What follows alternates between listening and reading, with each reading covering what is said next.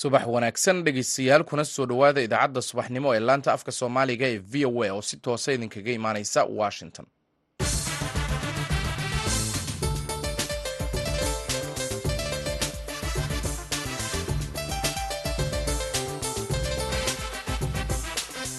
Waa subax khamiis ah bisha maaj waa laba sannadka labada kun iyo saddex iyo labaatanka waxaad naga dhegaysanaysaan muwjadaha gaagaaban ee lix iyo tobanka iyo sagaal iyo tobanka mitirban iyo bogga v o a somaali dotcom saacadda afrikada bari waa lixdii iyo barkii aruurnimo idaacadda saaka iyo caalamka waxaa idinla soo codsiinaya anigoo ah maxamed bashiir cabdiraxmaan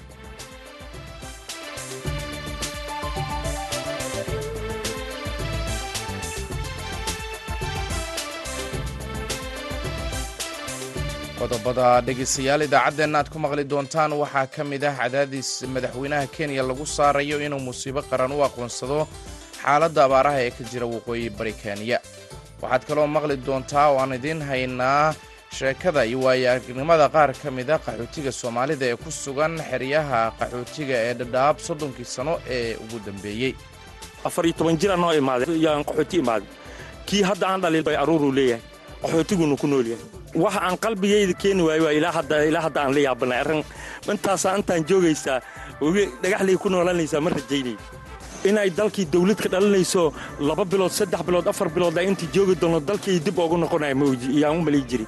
Soddon sanno kadib ilaa hadda meesha qaxootigaan ku noolahay.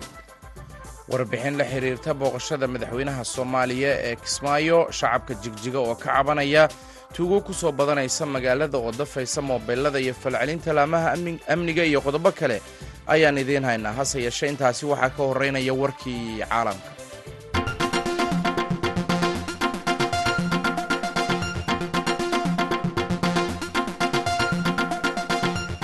Dowladda maraykanka ayaa u hambaliyeysay dalka nigeria. Doorashada musharaxa xisbiga talada haya bola tinubu waxaana ay ku baaqday in xaaladda la dejiyo xilli ay soo baxayaan eedo ah in codadka la isdabamariye iyo walaac la xiriira cillado farsamo oo doorashada hareeyey. Tinubu ayaa talaadadii lagu dhawaaqay inuu ku guulaystay doorashadii shan iyo labaatankii bishii hore ka dhacday dalka ugu dadka badan qaaradda afrika.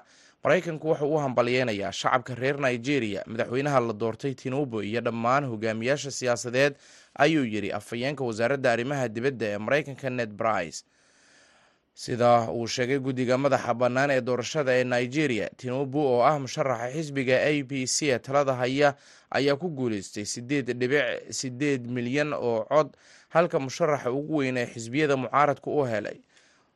Lix dhibic sagaal ninkaasi oo lagu magacaabo atiiqu abubakar musharaxa kale ee peter obi ayaa wuxuu isna helay lix dhibic hal milyan oo codadkii dadweynaha ah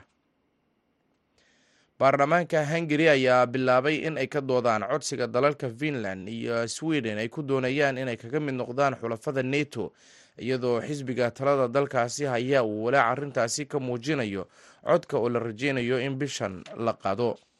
Baarlamaanka ayaa horey loo shaaciyey inay codsigan u codayn doonaan lixda ilaa sagaalka bishan maarso laakiin mareegtada golaha baarlamaanka ayaa arbacadii shalay lagu shaaciyey in codka la qaadi doono labaatanka bishan dowladda hungari ayaa dhowaan sheegtay in codaynta ansixinta xubinnimada labadan dal ay u riixi doonto dhammaadka bishan maars turkiga iyo hungari ayaa ah labada dal ee keli ah ee ka tirsan isbahaysiga neto ee aan weli ansixin dalabka ay sweden iyo finland ku doonayaan inay ku biiraan isbahaysiga neto iyadoo ay qasab tahay in soddonka dal ee ka tirsan gaashaanbuurtan uu mid walbaahi ansixiyo codsiga dalalkan ay xulafada inay ka mid noqdaan ku doonayaan. Warkii dunidana dhegeystayaal waa naga inta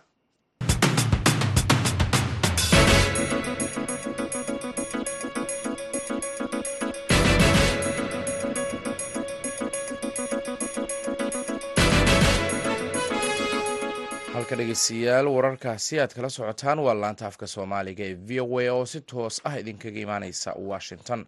Subax wanaagsan mar kale dhegeystayaal aynu ku horeyne waxaa sii kordhaya cadaadiska lagu saarayo madaxweynaha kenya william ruuto inuu ansixiyo waa in uu musiibo qaran u aqoonsado abaartii ugu darneyd tobaneeyo sano oo ka jirta waqooyiga dalkaasi taasi oo saameysay malaayiin qof roob la'aanta xilli roobaadkii lixaad oo xiriir ah ayaa kaga sii dartay baahida ka jirta guud ahaanba gobolka geeska afrika. Axmed xuseen ayaa warkan ka soo diray wajeer halkaasi oo inka badan kalabar bulshada gobolkaasi ay wajahayaan cunto yari. Dhibanayaasha ay abaartu sida daran u saamaysay ayaa si quusa ugu sugaya gargaar tuulada kilkilaya oo ka tirsan kowntiga wajeer ee kenya kumanaan kun oo xoolodhaqato ah ayaa kaamam ka samaystay hareeraha waddooyinka iyagoo gargaar ka raadinaya gaadiidka halkaasi maraya iyo kooxaha gargaarka waxaana ka mid a ruqiye axmed. Wax saaka waxaas ilaahay noola maqaymo wax kaloo hadda aan qaadane oo ma laha. Meehay jidadka maraan oo hay'adaha iyo waxaan ka warqabaan kaale iska codsada uun iska tegaana gashay. Mas'uuliyiinta kenya ayaa sheegaya in roobka oo aan di'in xilli roobaadkii lixaad oo xiriir ah ay keentay in ay la-deen malaayiin xoolo ah iyadoo in ka badan shan milyan oo kenyaan ah ay gargaar bini'aadamnimo u baahan yihiin. In ka badan kalabar dadka ay abaartu saamaysay ayaa ku nool saddex kawnti oo ku yaalla waqooyi bari kenya gaarisa wajeer iyo mandheera madaxda gobolka ayaa madaxweynaha ka dalbaday inuu ku dhawaaqo in abaartu ay tahay musiibo qaran balse waxa ay sheegeen in baaqooda aan la dhegaysan. Mar kasta oo aan la kulanno waxa aan ku dhahnaa ku dhawaaq. Madaxweynuhuna waa uu ballan qaadayey ilaa hadda waxaan ka sugaynaa madaxweynaha inuu ku dhawaaqo in abaartu ay tahay musiibo. Haddii ay dowladdu ku dhawaaqdo in abaartu ay tahay aafo qaran madaxda gobolka ayaa sheegaya in dadku ay heli karaan gargaar caalami ah oo ay si daran ugu baahan yihiin waa musiibo. Dadka ayaan awoodin inay cunto helaan. Xoolo badan ayaa maalin kasta dhimanaya. Waxa aan filayaa in la gaaray xilligii ay dowladdu ku dhawaaqi lahayd in ay tahay musiibo qaran si caalamka aan uga helno gargaar. V o a ayaa wacday xafiiska agaasimaha guud ee madaxtooyada si uu uga hadlo laakiin ma uusan ka jawaabin. Madaxweynaha kenya william ruuto ayaa toddobaadkii hore qiray in xaaladda abaartu ay tahay mid halis ah xaaladda abaarta ee sii xumaanaysa ayaa nooga baahan in si degdeg ah aan u kordhinno ka jawaabisteeda gaar ahaan waxqabad looga hortegayo dhibaato baahsan. Ruuto ayaa sheegay in dowladda dhexe ee barnaamijka wax kaqabashada abaaraha ilaa bishii sebtembar ku bixisay lacag ka badan laba boqol iyo konton milyan oo dollar iyadoo dhaqaalo dheeri ah uga qoondaysay miisaaniyadda kabka ah miisaaniyadda kabka ah ee u dambeysay waxaan u qoondaynay lix bilyan oo shilin oo dheeraad ah oo loogu talagalay wax kaqabashada abaarta inta u dhexaysa februari ilaa mey labada kun iyo saddex iyo labaatanka xerada. Waxaa gaaray waxoogaa gargaar ah. Hay'adda lanqeyrta cas ee kenya ayaa cunto qaybisay laakiin siisay keliya dhowr qoys. Haddii aan dadkan wakhti dhow la caawin xaaladda ayaa ka sii daraysa. Baahida cunto ayaa dhabtii ah dhibaato. Shalay waxaan booqannay dhowr ka mid a xeryaha ku hareeraysan halkan. Qaar waa dad ka yimid deegaano kale oo u imanaya inay cunto gargaar ah halkan ka helaan. Dadku waxay ku ordayaan baabuur kasta oo ay arkaan dhanka kale dhibanayaasha abaarta sida ruqiye axmed wax u harsan ayaaba yar oo aan ka ahayn rajada ah in raashin mucaawino ah uu dhowaan iman doono. Warbixintaasina waxaa wajeer ka soo diray axmed xuseen. Sidaad warbixintaasi ku maqlayseen abaaraha daran ee ka jira gobolka ayaa keenay in qaxooti cusub ay ku soo barakacaan xeryaha qaxootiga ee dhadhaab xeryahan oo furnaa in ka badan soddon sano ayaa qaxootigii lagu furay. Waxay niyadda ku hayeen in wakhti kooban ay ku sugnaan doonaan xeryahaasi islamarkaasina ay dalkoodii hooyo dib ugu laaban doonaan.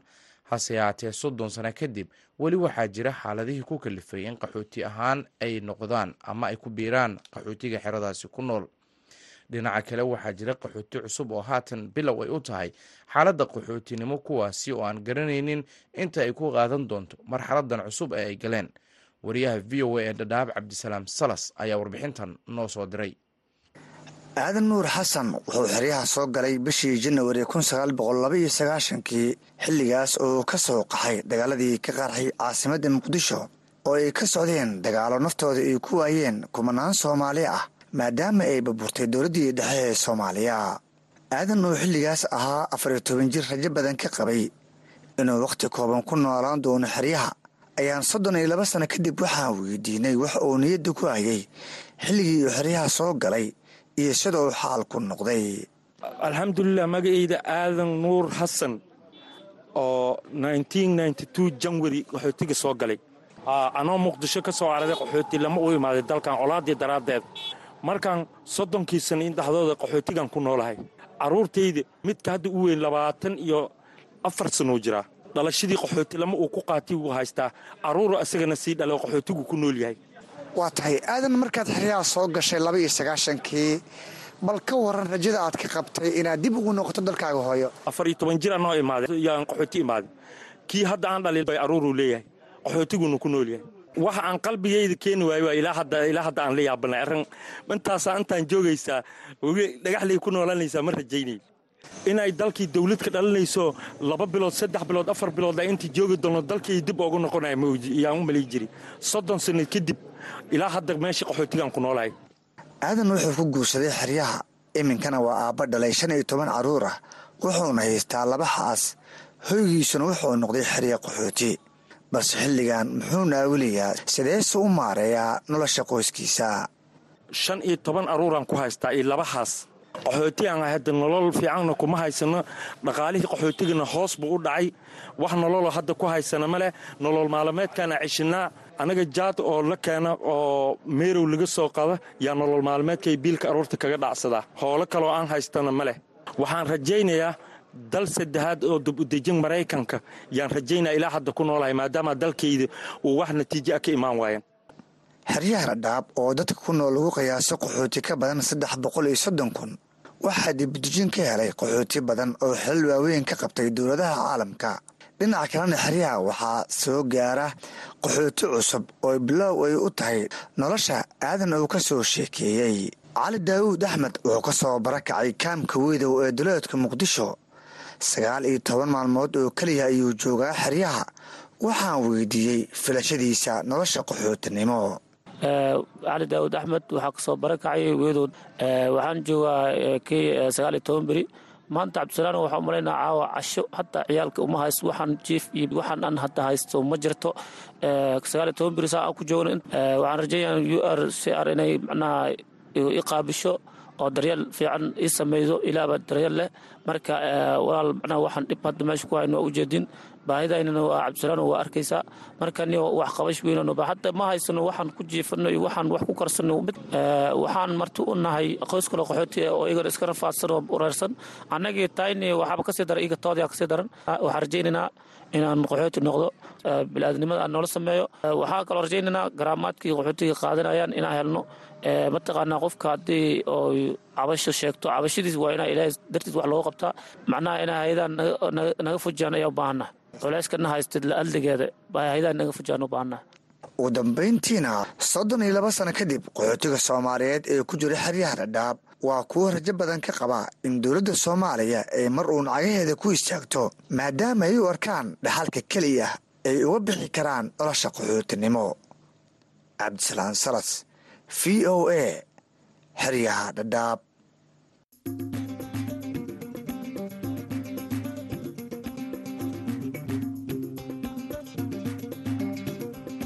shacabka ku nool magaalada jigjiga ayaa walaaca xoogan ka muujinaya tuugada yaryar ee la cararta taleefanada gacanta iyo waxyaabaha kale ee dadweynuhu haysitaan kuwaasi oo ay sheegeen in tiradoodu ay sii kordhayso. Sidoo kalena laamaha ammaanka ee magaalada jigjiga ayaa ka hadlay dareenka shacabka iyo tallaabooyinka ay qaadayaan wariyaha v o a maxamed cabdiraxmaan ugaas gaataha ayaa warbixintan ka soo diray jigjiga. Magaalada jigjiga ee caasimada dowladdeegaanka soomaalida waxay bulshada walaac ka muujinayaan muddooyinkan dambe. Tuugo magaalada ku soo badanaya kuwaasoo inta badan geysta falalid ku ah amniga bulshada waxayna bulshada sheegayaan in tuugadan ay yihiin kuwa dadka dhacaya sida in ay dadka ka dafaan mobeylada iyo hantida kale ay wataan waxayna sheegeen in mararka qaar ay isku dayaan tuugadani inay waxyeello u geystaan bulshada. Arrintan ayaa waxay u muuqataa mid sii xoogaysanaysa marba marka ka dambaysa walow booliska ay sheegeen in arrintan ay wax badan ka qabteen. Haddaba idaacadda v o a ayaa waxay waraysi la yeelatay qaar ka mid ah shacabka magaalada oo arrimahaasi ka cabanaya. Magacaygu waa faysal cabdulaahi xamari ahna dhalinyaro dowlad deegaanka soomaaliya etoobiya ku dhalatay gaar ahaan jigjiga ku nool arrima arrintan tuugada way soo noqnoqotay in badan habeen habeenada ka mid ah anuu hotel ka rawaxay ciyaal hodheel ana hotel baan ka shaqeeyaa anuu hodheel ka rawax oo sii socdo in yaroo xaafadda aan u sii wato. Ayaa dhexda la ii galo nafteedaan ku furtay dhowr dhexda ii galeen oo dad caadi waddada socdaan mooday anna waan lugeynay gaadiid la'aan baa jirta habeenkii. Waxay iga qaateen lacag ilaa toddoba boqol oo bargaarayso xaafadda aan u sii wado aan iyo taleefon yar oo aan watay oo leh ayay iga qaateen nafteeda ku furtay intay wax gaarsiin lahayn. Marka arrintan waa arrin jirta xagga dowladda waxaan dhihi lahaa in oo aad dowladdu inay wax uga qabato xagga amniga ah ee tuugada ay dadka baaranayaan. Magacayga waa faadumo faadumo axmed ardayda dhigatay dugsiga sare. Haye bal nooga warbixi dhacdada kugu dhacday dhacdada igu dhacday waxaa ka mid ah habeen dhawitoonaan waddada maraya mobel cusub iphone aan wataa iyo boorsadii baa layga gafay. Wallaahi ma arkayni wejigiisa laakiin markii dambe waan helay oo wiilal baa iisoo qabtay isageen lama arag laakiin wuu tuuro u baxsaday. Waxaa koley tuug tuug buu ahaa laakiin soomaaliya wuxuu ma garanayo laakiin inuu taleefonkaiga qaatay. Oo la baxsaday markuu inuunu baxsanayn is arkayna intuu tuuray uu sii cararay. Dee markaa taleefonkayga iyo waxaygina waan helay. Markaa tuugadaasi way iska jirtaa. Dee ha digtoonaadaan shacabkuna dowladuna waxaan leeyahay si deg dega dadkan tuugadaha oga qabtaan. Dhankiisa waxaan wax ka weydiiyey cabashada bulshada ee dhanka tuugada iyo shaqooyinka ay ka qabteen gaashaalne jacfar ibraahim maxamed oo ah madaxa xiriirka dadweynaha ee isku xidhka booliska iyo bulshada magaalada jigjiga. Waxa uuna yidhi macnaha waxa weeyaan toddobaadkii eega aan soo dhaafnay waxaanu qabanay saddex iyo labaatan tuug. Marka waxaan macnaha waxa weeyaan anigoo uga faa'iidaysanhaya idaacadda maanta macnaha waxa weeyaan soo booqatay in qof walbaaba macnaha waxa weeyaan meesha uu joogo dhacdooyinka ka dhacahaya inuu warbixin macnaha waxa weeyaan hay'adaha amniga uu la soo wadaago. Intaasba macnaha waxa weeyaan waxaanu ku qabanay oo aanu ku helay bulshada macnaha qaybaheeda kala gedisan oo nala soo xidhiidhaysay oo waayahan macnaha waxa weeyaan booliskii iyo bulshada macnaha isku dhowaansho macnaha waxaa ka dhexeeya xidhiidh wanaagsan. Ah bulshadu marka waxa weeyaan maadaama qof walbaaba macnaha badweyn uu ku dhex dhuuman kara haya ay tahay in ay qofka xun iyadu iska soo dhex saartaa loo baahan yahay. Sida macnaha loo soo saaray saddex iyo labaatanka tuug ee iyagii oo macnaha waxa weeyaan faldambiyeedkii ku jira ay bulshadu nala soo wadaagto gaashaanle jacfar ibraahim ayaa waxaan wax ka weydiiyey tuugadan iyo goobaha ay ka yimaadeen. Horta way isku dhex jiraan laakiin inta badan waa hayland dadka macnaha waxa weeyaan korkaa ka yimaada boqolkiiba sagaashan. Tuugta macnaha waxa weeyaan jirtaa waa dadkaas. Dadkaana macnaha waxa weeyaan daraasaad bay sameeyaan. Ka biyolii waa daraasaad buu samaynhaya in ay bulshadaydu ay ka doonaataan macnaha waxa weeyaan arrimaha nooca aan ugu sheegahaya badanaa dadkaas marka waxa weeyaan la soo qabanhayaa boqolkiiba sagaashan waa dadka hayland ah keliyata tobanka kalea macnaha waxa weeyaan dadka deegaanka. Iyadii oo macnaha waxa weeyaan midabta koor iyo fuquuq macnaha uun jirin dembiilaha unbaa macnaha waxa weeyaan aan ka hadlayna iyo faldambiyeedku nooca uu u dhici karo laakiin macnaha midabta koor ma aha waxaan macnaha waxa weeyaan aan u jeednay bulshadu dhibaatooyinku macnaha soo gaadhayaa maadaama ay u badan yihiin dadkaas inay ka taxadaraan gaashaalle jacfar ibraahim maxamed ayaa sheegay tirada tuugta ilaa hadda la xukumay iyagoo ayuu yidhi faldambiyeedyo gacanta kula jira. Tuugta la xukumay ee xukun heshay waa saddex boqol soddon iyo lix xubnood baa macnaha waxa weeyaan kiis baa macnaha la xukumay. Marka waxa weeyaan waan dadaalhaynaa insha allah. Hada tallaabo adag baan u qaadnay oo boolisku uu wadaa. Gabagabadii gaashaalle jacfar ibraahim maxamed ayaan weydiiyey waxa ka jira eedeymaha shacabku ay ku eedeynayaan booliska oo ah in tuugta marka la qabto la sii daayo waxa uuna sheegay in wararkaasi ayna waxba ka jirin. Waxaa weeyaan sida saxdaa tuug ah oo wixii macnaha isagiioo faldambiyeedkii gacanta kula jira la helay oo la sii dayn karaay ma ay jirto. Wax ilaahay abuurtay oo hawshaa iyadaa macnaha waxa weeyaan ka jiraan ma ay jirto. Haddaba mararka qaar tuugta ma sahlana in ay wax dhacaan sidaana ku nabadgalaan balse waxaa dhacda inta ayna soo gaarin hay'adaha amniga ka hor in ay bulshada kala kulmaan in gacanta lagu dhigo tuugta sidaana ay naftooda ku waayaan sida dhacdo dhowaan ka dhacday magaalada jigjiga taasoo ahayd markii nin tuug ah uu mobayl ka dafay qof shacab ah. Arrintaasna ay keentay in ninkii mobaylka laga dafay in tuuggii gacanqaad uu u geystay sidaasna uu tuuggii ku dhintay dhacdadaas oo ay diiwaan geliyeen hay'adaha ammaanka deegaanka. Maxamed abdiraxmaan gaata v o a magaalada jigjiga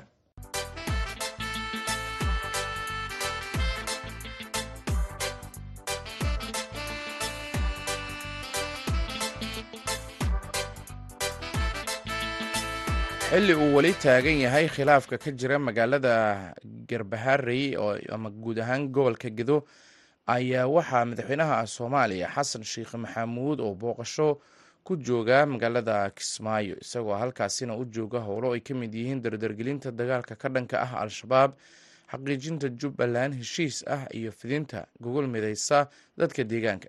Wariyaha v o a aadan maxamed salaad ayaa warbixintan ka soo diray kismaayo wasiirka wasaaradda arrimaha gudaha ee jubbaland ibraahim ogle oo v o a la hadlayay ayaa sheegay in madaxweyne xasan sheekh maxamuud safarkiisa uu qayb ka yahay sidii xal waara looga heli lahaa islamar ahaantaana heshiis looga gaari lahaa arrimaha siyaasadeed ee ka taagan gobolka gado kaas oo muddo ka badan saddex sano maalinba maalinta ka dambaysa cirka isku sii shareerayey wasiirka wasaaradda arrimaha gudaha ee jubbaland ayaa intaasi raaciyey in qof kasta oo maamulka jubbaland tabasho ka qabaayay ay soo dhoweynayaan si ay qayb uga noqdaan maamulka isaguna sheegay in arrinta gobolka gado ay tahay qodobka labaad marka laga tago arrimaha howlgallada iyo daahfurka wejiga labaad ee qorshaha howlgallada al-shabaab ka dhan ahi ee ka soconaya deegaanada jubbaland iyadoona madaxweyne xasan sheekh maxamuud uu daahfuri doono wejiga labaad ee howlgallada ka dhanka ah al-shabaab ee deegaanada jubbaland.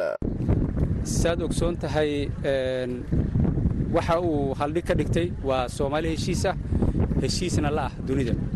Marka waxaan ka filanaynaa madaxweynaha wax kastoo heshiis ah iyo wax kastoo tabasha inuu asaga dhammeeyo laakiin sidaa ogsoon tahay gado waxay ka tirsan tahay maamul goboleedka jubbaland. Waxaa laga rabo waxay tabanayaan inuu dhammeeyo waa dowladda jubbaland iyo wasaaradda arrimaha gudaha hogaaminayso guud ahaanna madaxweynaheeda uu yahay hoggaanka. Marka waa sax madaxweynaha waa madaxweynihii guud. Hase ahaatee annaga ayaa nagala rabaa walaalayn wax kastoy tabanayaan inaan dhammayno gado waxaa hadda bulshadeeda markii laga soo tago wax yarka ay tabanayaan gado waxaa qaska iyo labka ku wada waa niman siyaasiyiinoo dan gooniya ka leh. Ayagana waxaan leenaha walaalaheen wey shalay qaarkood waxay joogeen maamulka. Maantana maamulkay ka tirsanaan karaan. Dowladda jubbalandna mar kasta iyo mar saddexaad mar afaraad sidii maalinka xilka laygu wareejiyey aan u idhi gogoosha waa inoo furan tahay. Qof kasta oo dowladda jubbaland wax ka tabanayo waxaan rabnaa inaan soo dhoweyno maxaa yeelay ayaguba hadda haldhig waxaa u ah jubbalanta loo dhan yahay. Jubbaland aan loo dhammayna ma jiro marka waxaan leenahay jubbalanta loo dhan yahay derinta inta yarta oo ka dhiman adinkaa ka dhiman soo buuxiya walaalayaalow. Madaxweynaha dowladda federaalk ee soomaaliya xasan sheekh maxamuud oo muddo saddex cisho booqasho ay ugu bilaabatay magaalada kismaayo ayaa lagu wadaa in uu la kulmo qaybaha kala duwan ee bulshada madaxweynaha jubbaland iyo sidoo kale saraakiisha ciidamada si loo dardargeliyo wejiga labaad ee howlgallada ka dhanka ah al-shabaab. Waxaana safarka madaxweyne xasan sheekh maxamuud ku gadaaman arrimo dhowr ahay xilli ay arrimaha siyaasadeed ee xalka loo waayey ee gobolka gado ay sii adkaanayso maalinba maalinta ka dambaysa waxaana qorshaha madaxweyne xasan sheekh maxamuud uu yahay in uu gaaro gobolka gado si loo soo gebagabeeyo qallaasaha siyaasadeed ee muddada dheer ka taagnaa gobolkaasi. Waxaana dadka intooda badan ay dhowrayaan sida xal looga gaaro arrimaha gobolka gado oo muddo saddex sano ka badan ay qallaaso siyaasadeed ka taagnayd. Aadan maxamed salaad v o a magaalada kismaayo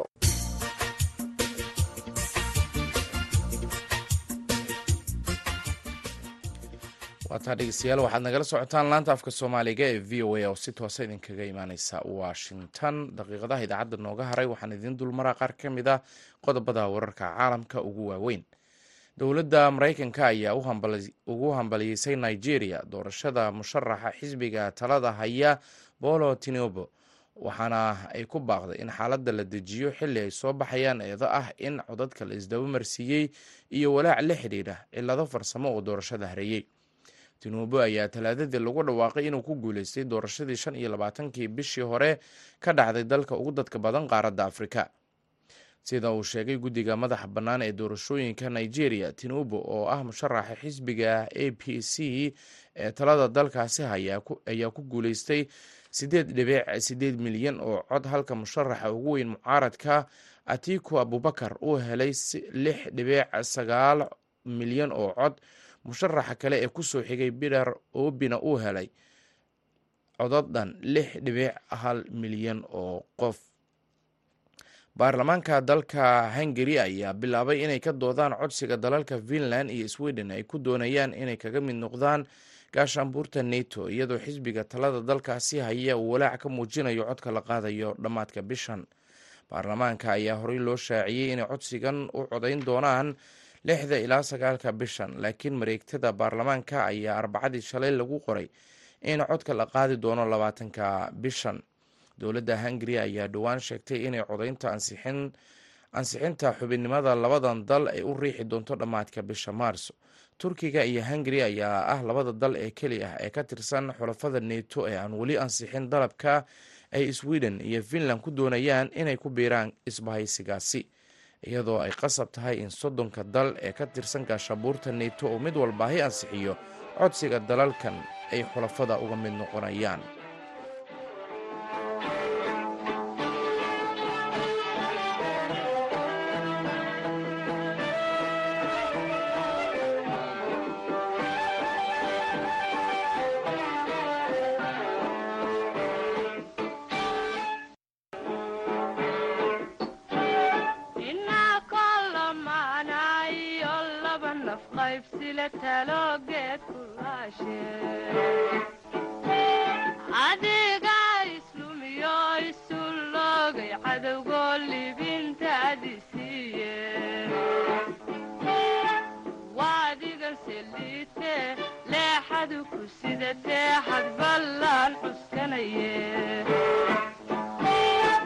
waadigan seliite leexadu ku sidatee xadballaan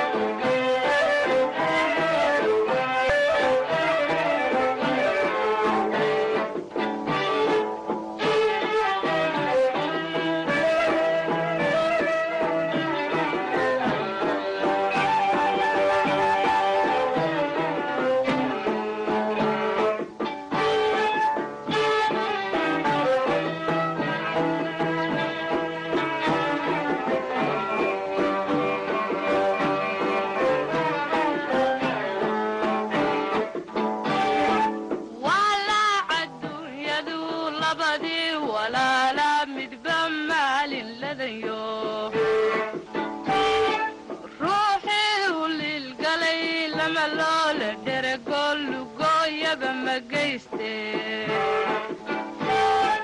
waadiganse laabtiyo lugaha isla waaye meel sare lalmanaye waadiganse laabtiyo lugaha isla waaye meel sare lalmanaye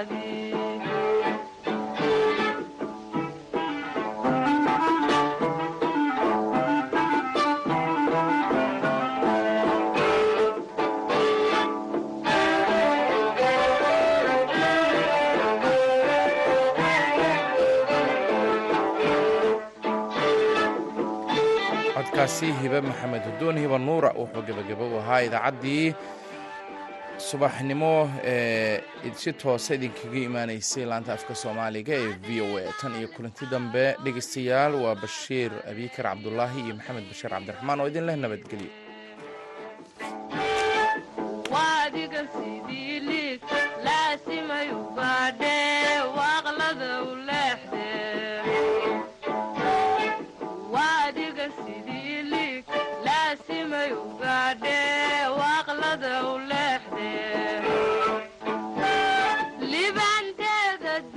كذا